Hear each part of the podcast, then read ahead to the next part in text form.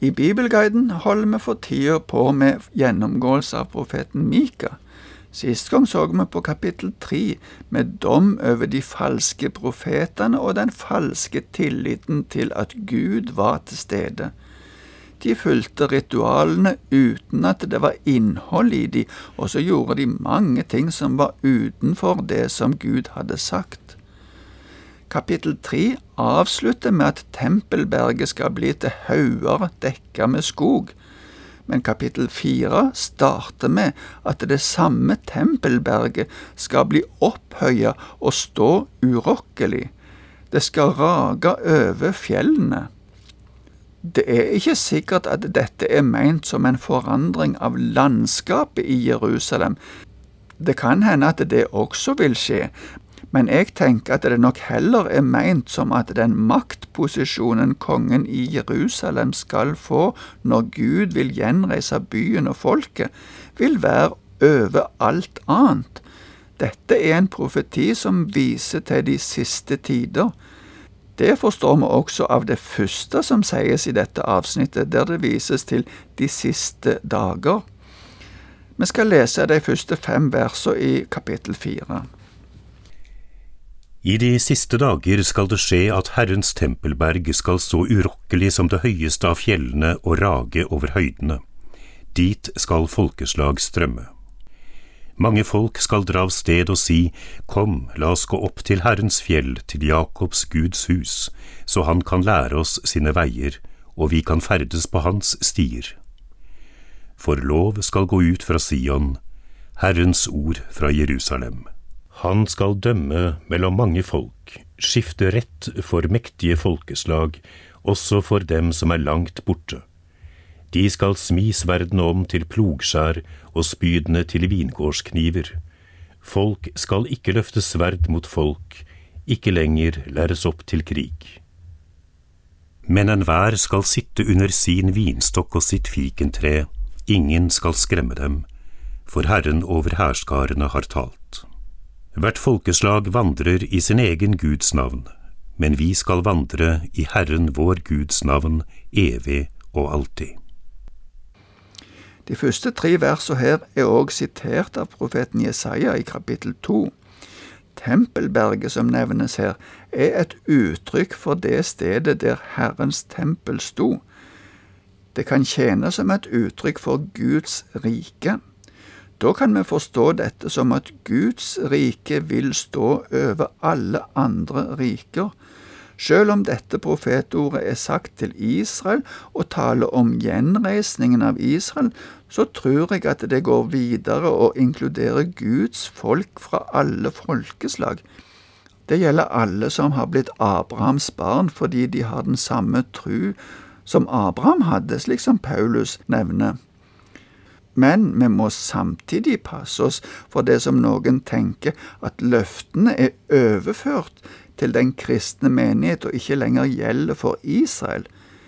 Jeg tror nok at Israel vil ha en sentral rolle når Gud vil opprette sitt fullkomne rike, men jeg tror òg at den kristne menighet vil få være med i dette. Det står jo òg i teksten vår her at mange folk skal dra av sted og si, Kom, la oss gå opp til Herrens fjell. Slik folket hørte Guds ord ifra Gud sjøl på Sinai-fjellet, kan det se ut til at i de siste dager vil alle folk kunne høre Guds ord ifra Jerusalem. Det kan være forskjellige forståelser av når og hvordan dette vil bli. Ved å sammenligne med forskjellige avsnitt i Esekiel kan det se ut som at det er snakk om et rike på jord der Herren innsetter sin konge, men at dette ikke er det samme som den nye jord som skal komme etter den endelige dommen. Vi kan ikke gå mer inn i disse tankene i denne gjennomgåelsen, men bare si at for de som blir med i Guds rike, vil dette bli ei strålende tid. Det vil bli ei tid uten krig. Det blir harmoni i skaperverket og mellom mennesker og Gud. Dette er et tema som flere profeter tar opp. Vi nevnte at profeten Jesaja siterer disse versene i kapittel to, og i kapittel 11 sier han litt mer utfyllende om dette temaet.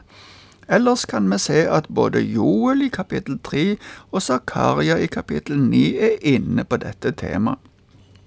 Vintre eller vinstokk og fikentre er òg bilder på den fredelige situasjonen som folket skal få oppleve. Grunnen til denne harmonien og opphøyelsen sier Mika i det siste verset at det er fordi de sier at de skal vandre i Herrens, vår Guds navn, evig og alltid. På profetens tid vandra hedningene på sine egne veier, men når de innser at Herren er den sanne Gud, og når de velger å følge Han, vil de få del i harmonien og velsignelsen i dette riket. I fortsettelsen kommer Mika med en beskrivelse av hvordan Herren skal samle alle folka til Jerusalem. Kanskje vi kan nevne at det ikke nødvendigvis betyr at alle skal få komme til denne byen, men heller at de skal komme til Herren. Vi leser versene fra seks til åtte i kapittel fire hos Mika. På den dagen, sier Herren, vil jeg samle de haltende og sanke sammen de fordrevne og dem jeg har fart ille med. De haltende gjør jeg til en rest, de bortrevne til et mektig folk. Herren skal være konge over dem på Sions berg fra nå og til evig tid. Og du, gjetertårn, du datter Sions vakthau, til deg skal det komme herrevelde du en gang hadde, Jerusalems datters kongsmakt. Det er Herren som sørger for det som skjer. Han vil samle sammen alle som er fordrevet av Israel. Dette er sagt før Israel ble bortført til Asyria og Babel. Men siden det er sagt både tidligere og som vi ser i fortsettelsen, gir Mika allerede her et løfte om at Herren vil gjenopprette sitt folk. Det som er, eller kanskje vi skal si vil bli fart ille med, det vil bli ordna og lega. Jerusalems datters kongsmakt, står det, vil igjen få herredømme. Det vil igjen komme en konge, en mektig konge i Jerusalem. Men det vil komme smerter før dette skjer. Mika sammenligner det med rier hos ei fødende kvinne. Vi fortsetter å lese, og nå skal vi lese resten av kapittel fire, ifra vers 9 til 14. Men nå, hvorfor skriker du så høyt? Er det ingen konge hos deg? Er rådgiveren din forsvunnet, siden rier tar deg som hos en kvinne som skal føde? Skrik ut i rier som en fødende kvinne, datter Sion for nå må du forlate byen og bo ute på marken, du skal komme til Babel, men der blir du berget. Der vil Herren løse deg ut av dine fienders hånd. Men nå har mange folkeslag samlet seg mot deg, de sier, La Sion vanhelliges for våre øyne. Men de kjenner ikke Herrens tanker og forstår ikke Hans plan, og samle dem som kornaks til tresking. Stå på tresk, du datter Sion for jeg vil gi deg horn av jern, jeg vil gi deg klover av bronse, og du skal knuse mange folk. Du skal vigsle byttet deres til Herren, rikdommen deres til hele jordens herre. Nå, risp deg opp, du opprispede datter, de har beleiret oss. Med stav slår de Israels dommer i ansiktet. Kongen og rådgiveren for Israel er ikke lenger noe Israel kan sette sin lit til. Vi har tidligere sett at Mika har fordømt høvdinger og prester på det sterkeste. Nå kommer smertene over de som rier over en fødende kvinne.